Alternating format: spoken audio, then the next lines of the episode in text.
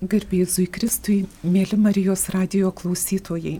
Šiandieną studijoje svečiuojasi daktaras Vincentas Vobolevičius, ISM politologas. Sveiki. Labą dieną. Daktaras Dainis Genys, VDU sociologas. Sveiki, gyvi. Ir Diana Karvelienė, Laisvosios visuomenės instituto direktorė. Sveiki visi.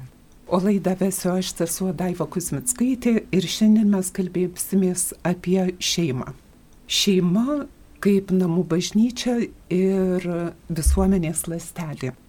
Katalikų bažnyčios socialinis mokymas sako, kad na, šeima yra svarbiausias visuomenės darinys, bendryje, kuri ugdo vaikus, gimdo vaikus ir yra pati įprasčiausia forma vaikų socializavimo.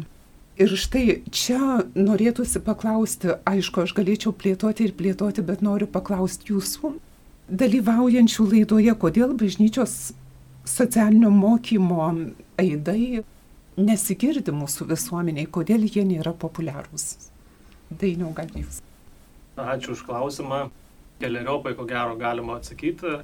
Viena vertus, toks pradinis, elementariausias paaiškinimas būtų vis tik toks, kad e, jeigu atidžiai klausai, tai turbūt, kad girdisi, bet problema yra ta, kad dalis visuomenės turbūt neklauso arba jeigu ir girdi bažnyčios mokymo kažkokias tai tezes šeimos klausimų, tikėjimo ugdymo perdavimo klausimų, tai nerezonuoja jų širdys ar jų viduj. Ir kodėl, tai man patiko e, amerikiečių teologo pastoriaus Timothy Kellerio paaiškinimas. Jisai sako, mes gyvename gerokai pakitusio visuomenę ir jisai tai vadina kaip pasikeitusią visuomeninio gyvenimo ontologiją. Ir jisai aiškina taip, kad seniau, kada mes kalbėdavom apie krikščioniškas tiesas, krikščioniškas vertybės, jos daugiau mažiau buvo visiems suprantamos ir aiškios, jos buvo, tu galėjai su jom sutikti ar nesutikti, bet, sakykime, jų autoriteto nelabai kas kvestionavo. Dabargi šiuolaikinė visuomenė tai gerokai pasikeitė ir tai nėra, nereiškia jokio autoriteto savaime.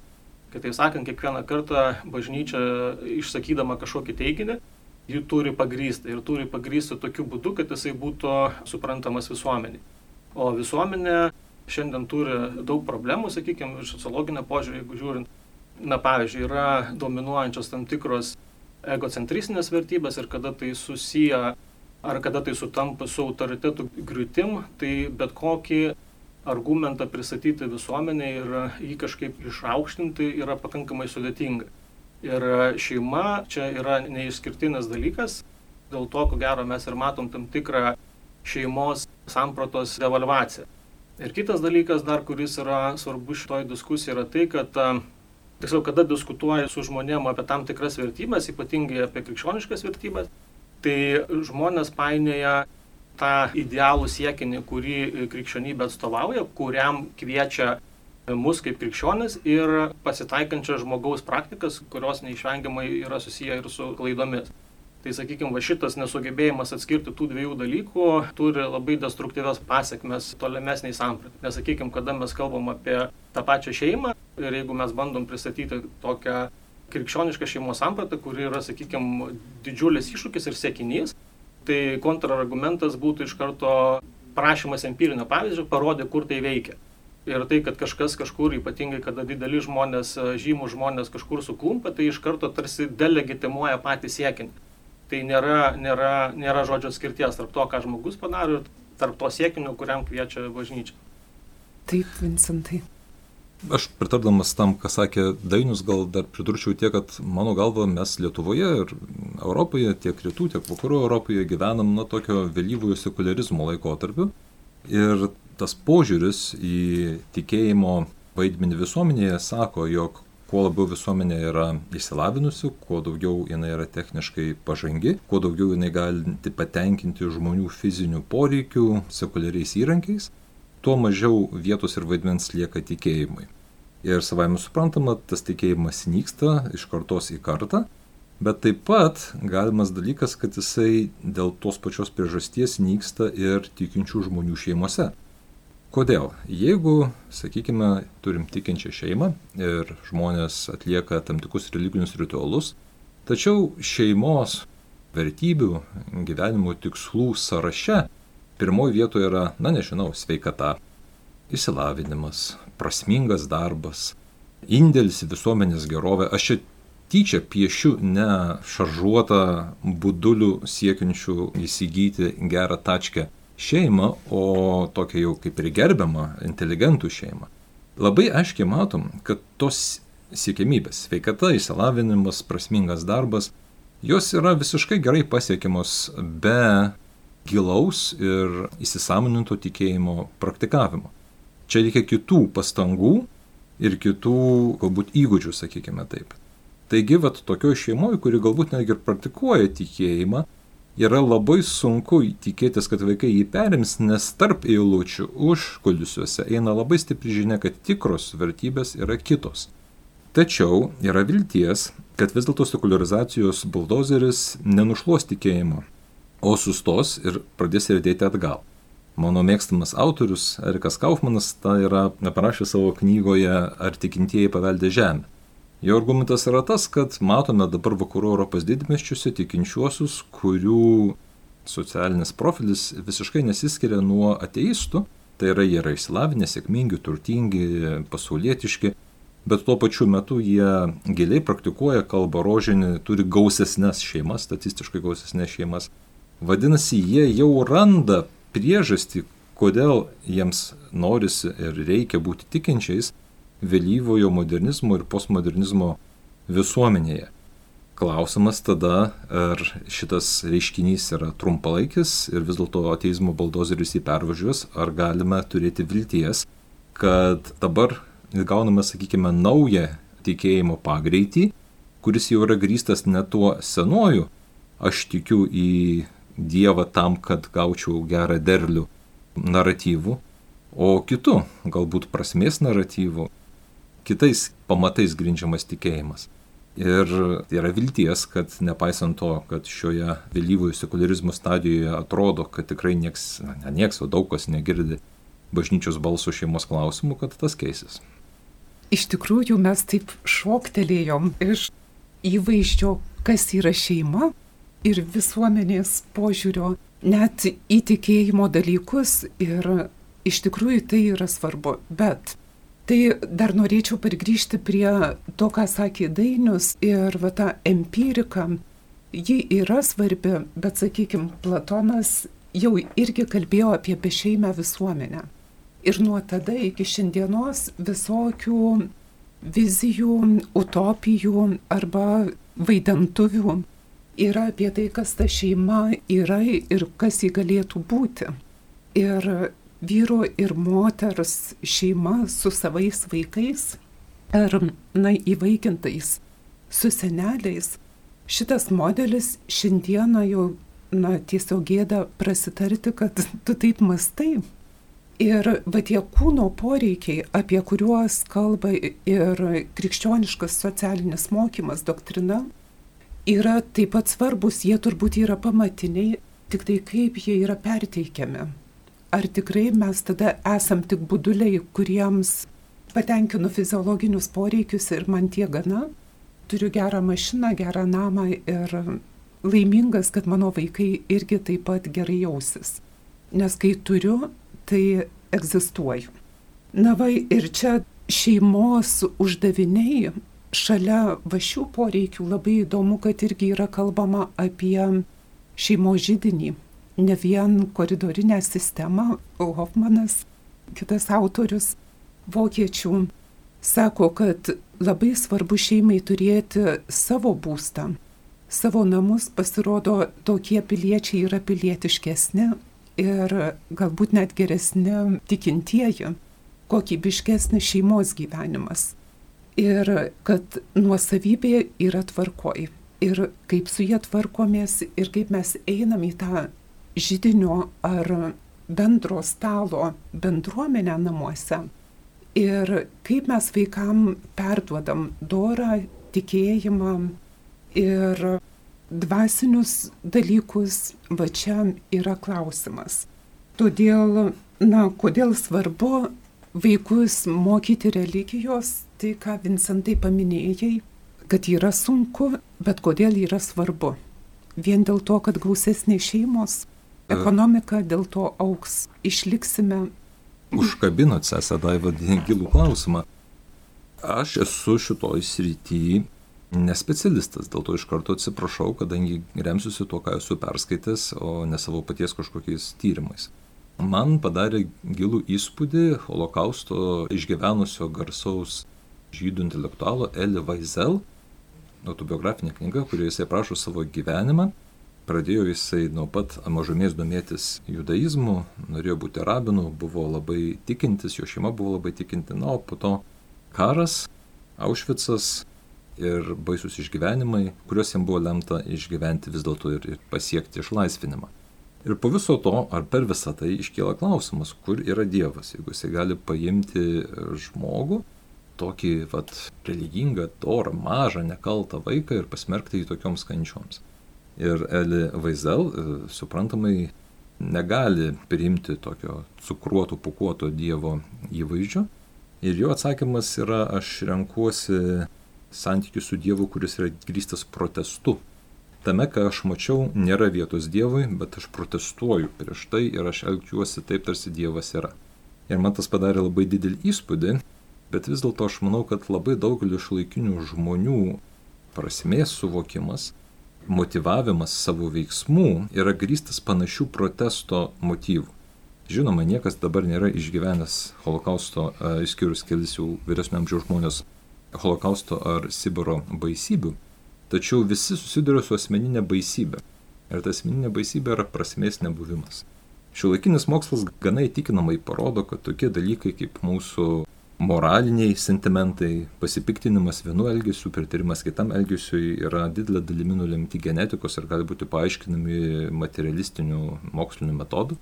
Žinoma, visada lieka klaustukų, bet tai čia tai nemažina materialistinių argumentų svorio. Ir jeigu galima iš tiesų paaiškinti žmogų ir visą jo troškimą ir norą, įskaitant pačius švenčiausius, kilniausius dalykus, šeimos troškimą, sakykime, troškimą turėti gyvenimo draugę ar draugą, troškimą turėti prasme, troškimą mirti dėl gėrio.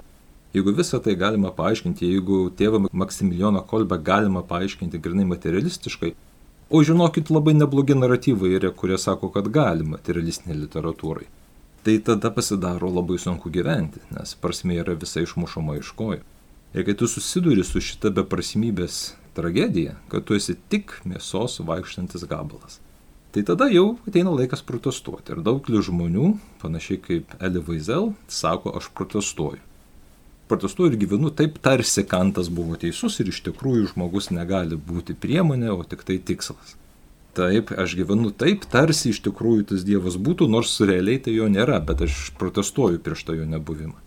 Mano manimu, tai yra silpnas, vis dėlto silpnas būdas gyventi. Be abejo, taip protestuodami mes netapsime, tikiuosi, baisiais nusikaltėliais prieš žmogiškumą, nežudysime kūdikių ir panašiai.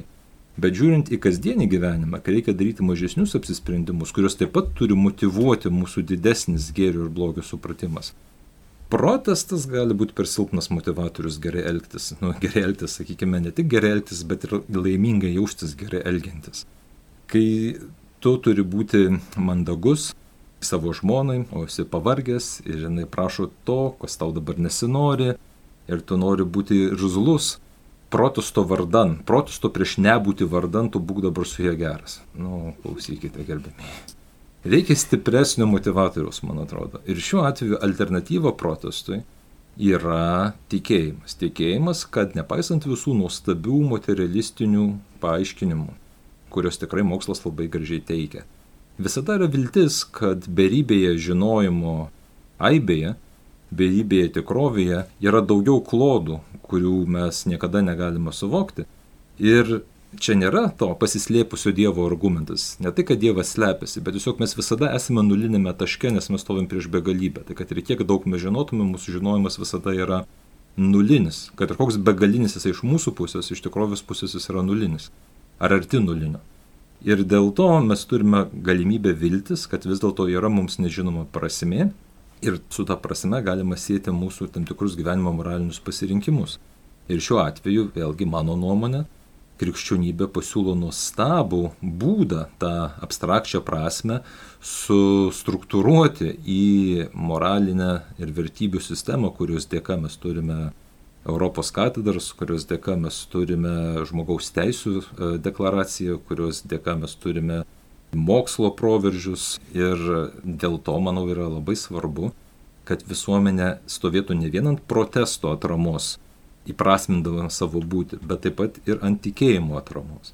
Bet tas, kaip žinia, reikalauja daug pastangų, nes kol kas ta tikėjimo atrama yra stipriai klibinama tos pačios visuomenės jėgų. Čia Vincentas taip gražiai rezumavo 20-21 amžiaus žmonijos prasmės paieškų tam tikras konfiguracijas, bet iš tikrųjų, kaip pagalvoju, jeigu žiūrint istoriškai, tai ne visą laiką tikėjimas buvo kaip atsakas į protestą ar kaip protesto išraiška. Akivaizdu, kad jeigu žiūrėti istorinį perspektyvą, taigi šeima tai buvo krikščioniška šeimos samprata, buvo duotybė ir kur ten šimtus metų niekas nekvestionavo ir žmonės sėkmingai gyveno ir Vincentas paminėjo, kad didžiulių dalykų sukūrė.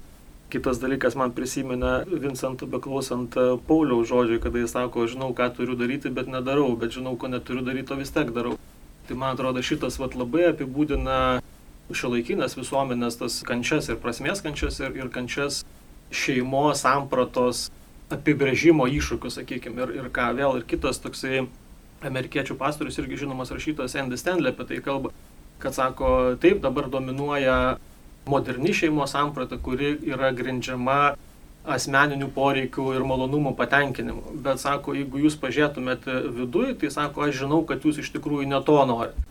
Ir tada salė nušiuva, kaip tu gali žinot, ko aš noriu. Na, nu, jisai sako, vat, jūs pagalvokit, sako, aš turiu labai lengvą testą, kaip sužinot, ko iš tikrųjų nori.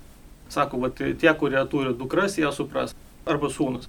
Sako, įsivaizduokit, kad vat, jūsų sūnus ruošiasi tuoktis ar dukra ir sako, jūs dabar sugalvokit idealų jaunikį ar nuotaka. Ar jūs, sako, sugalvosite tokią, kad e, ta nuotaka ar jaunikis būtų tokia, kuri turėtų daug poreikių ir ieškotų tokio partnerio, kuris gebėtų juos patenkinti.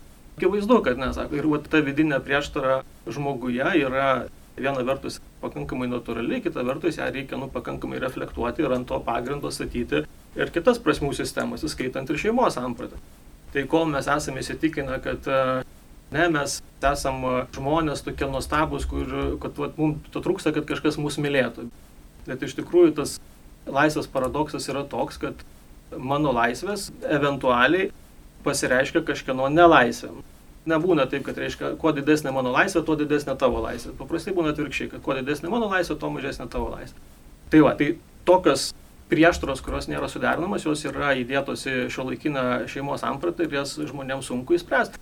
Ir kada tu pradedi kalbėti apie krikščionišką sampratą, tu parodai, kad jinai paremta visai kitokiais dalykais, bet iš tikrųjų ir reikalauja iš tavęs tam tikro pasiaukojimo, bet iš tikrųjų jinai atveda į tą būseną, kurios link tariamai veda ir šio laikinę sampratą, ir šeimos sampratą, ir, sakykime, klasikinę ar krikščionišką šeimos sampratą.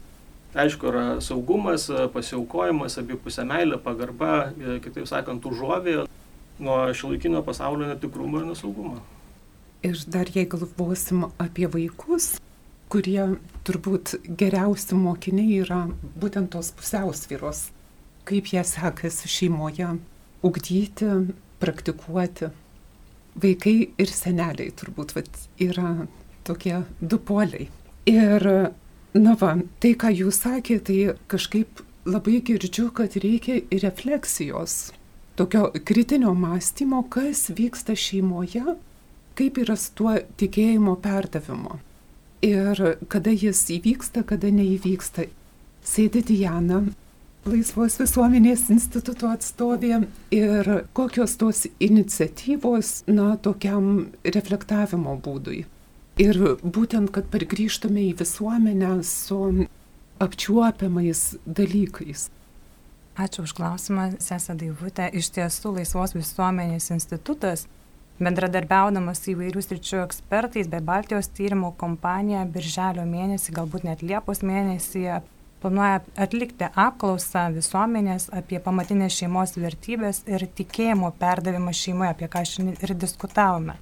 Nes pastebėm, kad šiandien ir šeima, ir tikėjimas yra plačiai aptariamas viešumoje, dėja turinys neretai stokoja pagrindimo tyrimais. Ir jausdami šeimoms iškylančius iššūkius siekiama pažinti ir suprasti tikėjimo perdavimų šeima trajektorijas ir jas lydinčius faktorius. Galim pastebėti, kad egzistuoja nemažai tyrimų tikėjimo tematika atliktų kitose šalyse, užsienyje, kaip Prancūzijoje, Junktinėse Amerikos valstijose, kai kuriuose rytų Europos šalyse, tačiau jas automatiškai perkelti į Lietuvos kontekstą būtų neteisinga dėl įvairių skirtumų, dėl istorinių, kultūrinių ir kitų.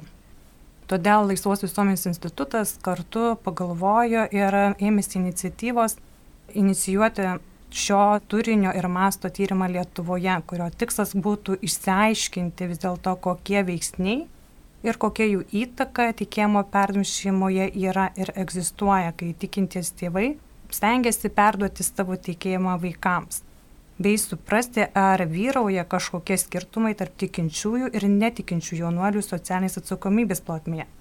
Be kito ko keliam klausimą, kaip šiandieną atsiskleidžia prigimtinė šeimos samprata ir tikėjimo perdavimo ryšys, bei kokias galimas pasiekmes jis turi narių gyvenimo kokybei. Ir tikimės, kad šitas tyrimas padės suformuoluoti jų duomenimis pagristas išvadas ir galbūt pateikti rekomendacijas tėvų bei šeimų organizacijoms. Galbūt padės tėvams, kurie rūpinasi savo vaikų tikėjimo ugdymu, kažkaip labiau skiepinti, perteikti tą tikėjimą šių dienų, nudienos aplinkybėse ir kontekste ir maloniai kviečiame visus Marijos radio klausytojus, bendruomenės narius prisidėti prie šio tyrimo, kuriems šeima, tikėjimas, religinis ugdymas šeima yra neatsiemi dalykai, jiems be galo svarbu. Apklausa gali dalyvauti vienas iš tėvų, taip pat vienas iš vaikų, kuriam yra 16-25 metai. Ir apklaustos registracijos formą jūs rasite visi Laisvos visuomenės instituto internetinėme puslapyje www.laisvavisuomenė.lt prie pilietinių iniciatyvų, ten patalpinta plačiau informacija ir registracijos forma, kurią užpildę vėliau Baltijos tyrimai persistų visą informaciją. Tai mes tiesiog visų prašome prisidėti bent tokiu būdu prie šio tyrimo išpildymo. Ačiū Diana už iniciatyvos paskelbimą ir vat, įdomu kartais būnam skeptiški, kai kažkas kažkokius tyrimus daro, o kur ta gražioji pusė? Vincentai. Tai visų pirma, kokia šito tyrimo, sakykime, mokslinė ir praktinė prasme. Na, visų pirma, mes turime nemažai įvairių teorijų, tiek užsienyje, tiek Lietuvoje beje generuotų apie tai, kas lemia sėkmingą tikėjimo perdavimą. Tai labai paprastai tariant, elementarūs dalykai - šeimos malda, dalyvavimas bendruomenėje, lankymasis religinėse apieigose, tai yra pamaldose, mišiuose. Taipogi e, yra tokių teorijų, kad padeda atvejai, kuomet šeimoje kažkas buvo persikiotas dėl tikėjimo ir jo neatsisakė. Yra eilė kitų galimų hipotezių, kaip jau šiek tiek užsiminiau prieš tai, kokios vertybės buvo šeimoje, ar tam pagrindinė vertybė buvo sveikata ir įsilavinimas, ar pagrindinė vertybė vis dėlto tam buvo sielos išganimas. Bet visa tai yra teorijos, kurios arba yra testuotos, tikrintos empiriškai kur nors Junktinėse valstijose ar Vokietijoje, arba, jeigu jos buvo generuotos indukciniu metodu, tai išplaukusios iš nedidelės imties respondentų analizės. Mūsų tikslas, e, ir prisipažinsiu tiek aš, tiek Dainius, tiek Daiva esame šio tyrimo bendraautoriai, bendradarbiai. Mūsų tikslas yra panaudoti kiekybinius metodus, būtent remintis apklausą, kad tas išvalgas patikrinti jų validumą didesniam e, žmonių skaičiui ir būtent Lietuvos gyventojams 21 amžiaus va štai šio laikotarpio sąlygomis kaip jau mūsų ankstesnė diskusija rodo, tai yra svarbu žinoti, grubiai tariant, kas veikia, kurios iš tų teorijų atrodo, kad yra veiksmingos dabar. Iš dalies tiesiog tam, kad būtų galima galbūt suteikti tam tikrą paguodą ir paskatinimą jauniems tevams, kurie šiuo metu perteikia tikėjimo vaikams, jeigu galėtume parodyti, kad iš tiesų tam tikri dalykai atrodo, kad statistiškai reikšmingą poveikį turi tikėjimo perėmimui šiuo laikotarpiu. Taip pat būtų galima susisiekti su vaikus ugdančiom organizacijom, su tėvus ir su toktinius ruošiančiom organizacijom ir pasidalinti tą informaciją, kad jinai pasklistų. Tačiau džiaugiuosi, kad mano bendradarbis Dainius šiame tyrimė įnešė naują kampą, apie kurį aš nepagalvojau. Mano kampas buvo tikrinti visas įmanomas iškeltas hipotezes su naujausiais Lietuvos duomenimis. Bet vad Dainiaus yra kitas, taip pat labai šviežias toks kampas, kuris suteikia papildomos vertės tyrimui. Tai gal jums papasakot. Apie tikėjimo poveikį socialiniai elgsenai, prosocialumui. Ačiū už papildymą. Iš tikrųjų, du gal momentai. Vienas, tai prie to, ką Diana minėjo, tai kad e, šalia visų tokių praktinių klausimų norisi dar ir užčiuopti tą pamatą, ant kurio būtų galima statyti, sakykime, skambiai tariant, e, šeimos apologetikos statinę.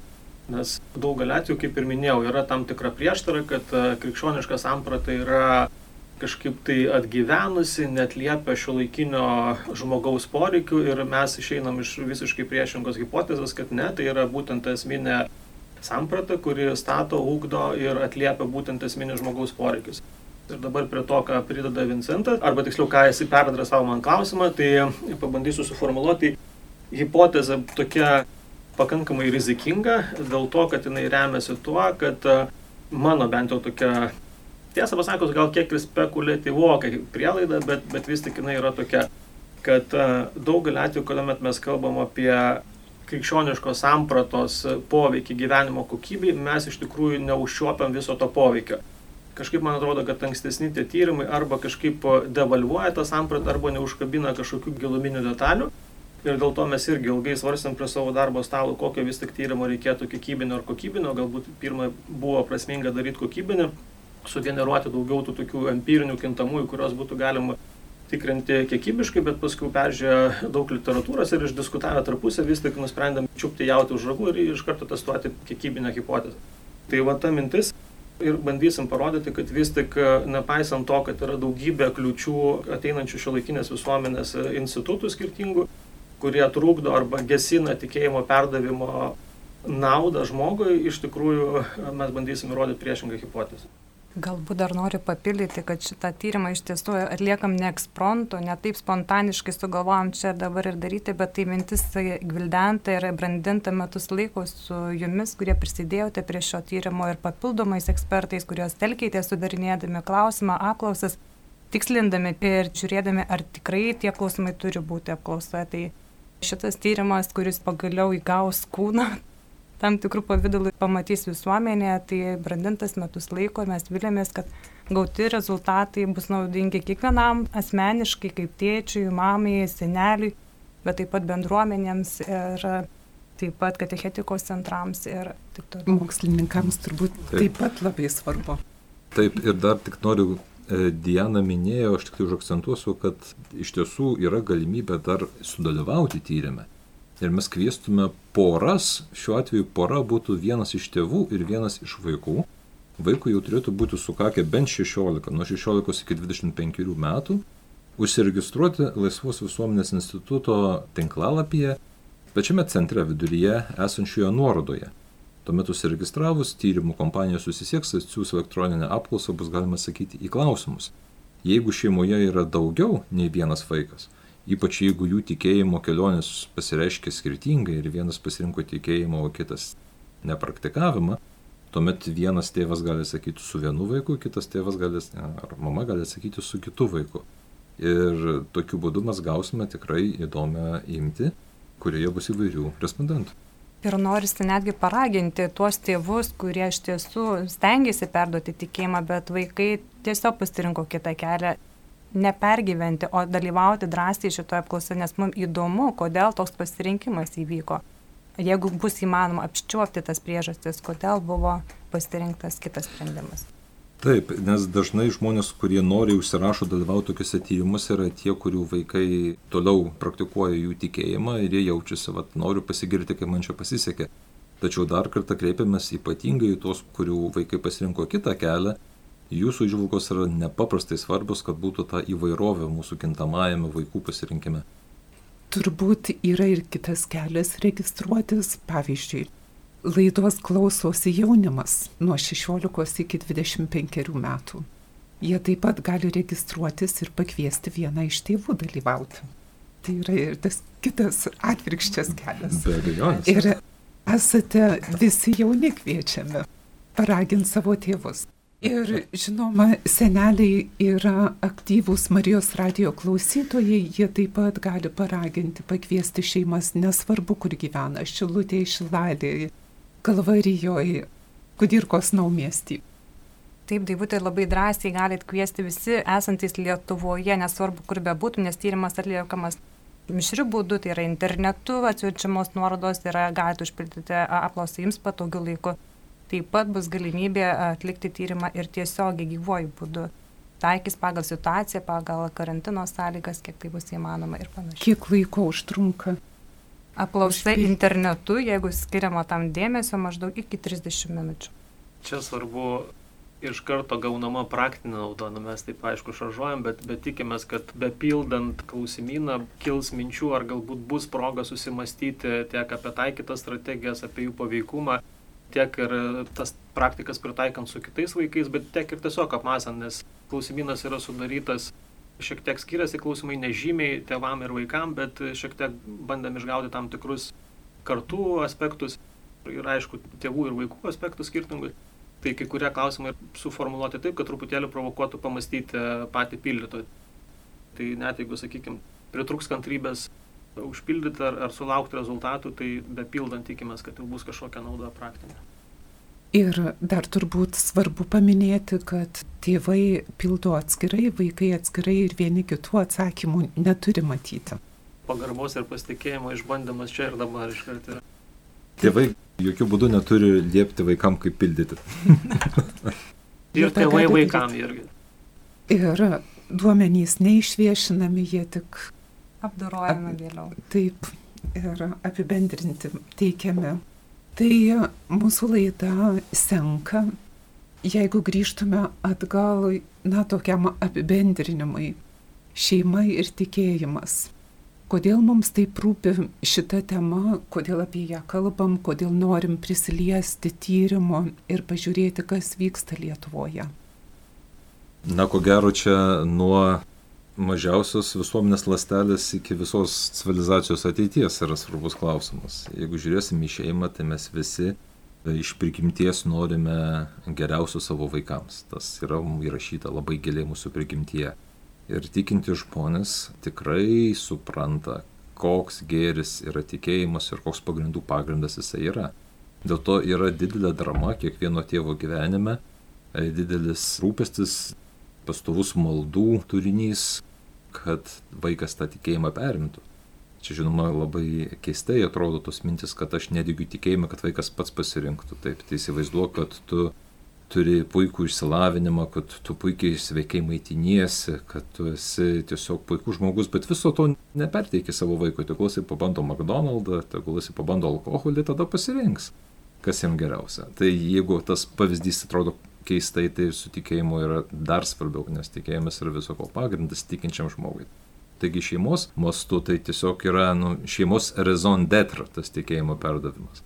Bet taip pat aš esu tikras, kad yra ir visuomenės mastu nepaprastai svarbus dalykas, dėl to, kad tie požiūriai, tas savęs supratimas, savęs kaip kūrinio supratimas, savęs kaip mylimo kūrinio supratimas, duoda pagrindą tolesniai moraliniai sistemai, kuri iš tiesų yra vakarų civilizacijos pagrindas ir geriausia, ką žmonija yra sukūrusi iki šiol.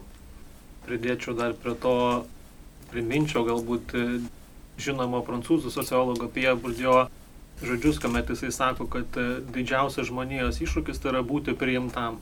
Ir atrodo, kad ir šiandieninis žmogus, jisai blaškosi nuo vieno prie kito dalyko, bet iš tikrųjų nori būti priimtas. Ir visa ta moderni, sakykime, šeimos samprata vis tiek remiasi tuo pačiu, kaip man būti priimtam su visom mano netobulom detalėm. Tai man atrodo, kad šeima tai yra būtent tas ta plotmė, kurioje mes galim vienas kitam atsiduoti su visais savo privalumais ir trūkumais ir susikurti, kaip minėjau, tą tokią užuovėją, kur mes būtume priimti visapusiškai. Aš manau, kad tai yra labai svarbu ir labai praktinis elementas tame yra. Ačiū. Diana. Man pačiai šis tyrimas yra viduje labai svarbus.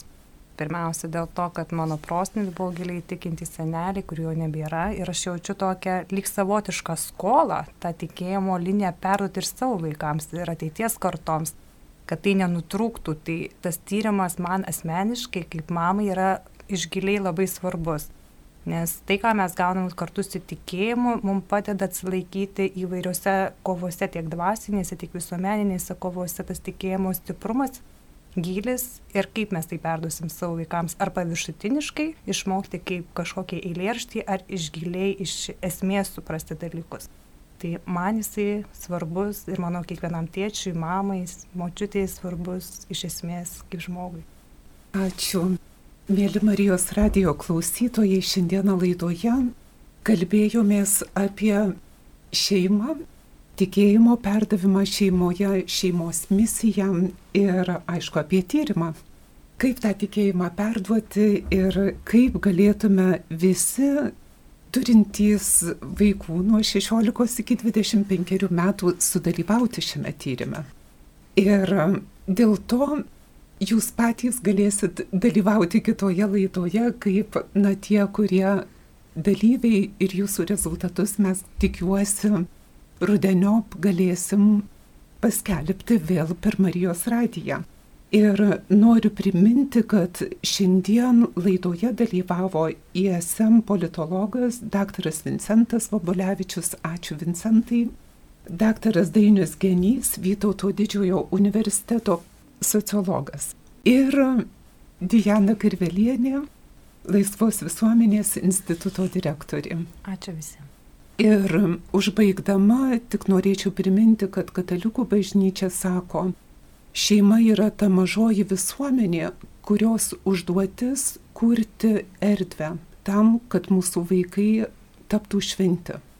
Palinkėčiau ir jums, ir mums, visiems čia esantiems, kad mes būtume, na, tas fermentas ir tas veiksnys, kuris padeda kurti tą gerąjį orą, kuriuo vaikai kvėpuoja ir kad būtume tie, kurie nukreiptume vaikų žvilgsnius ir savo žvilgsnius Dievop, kad visi keliautume į tą prasmingą išganimo išsipildymą. Ačiū Jums iki kitų kartų. Sudėt.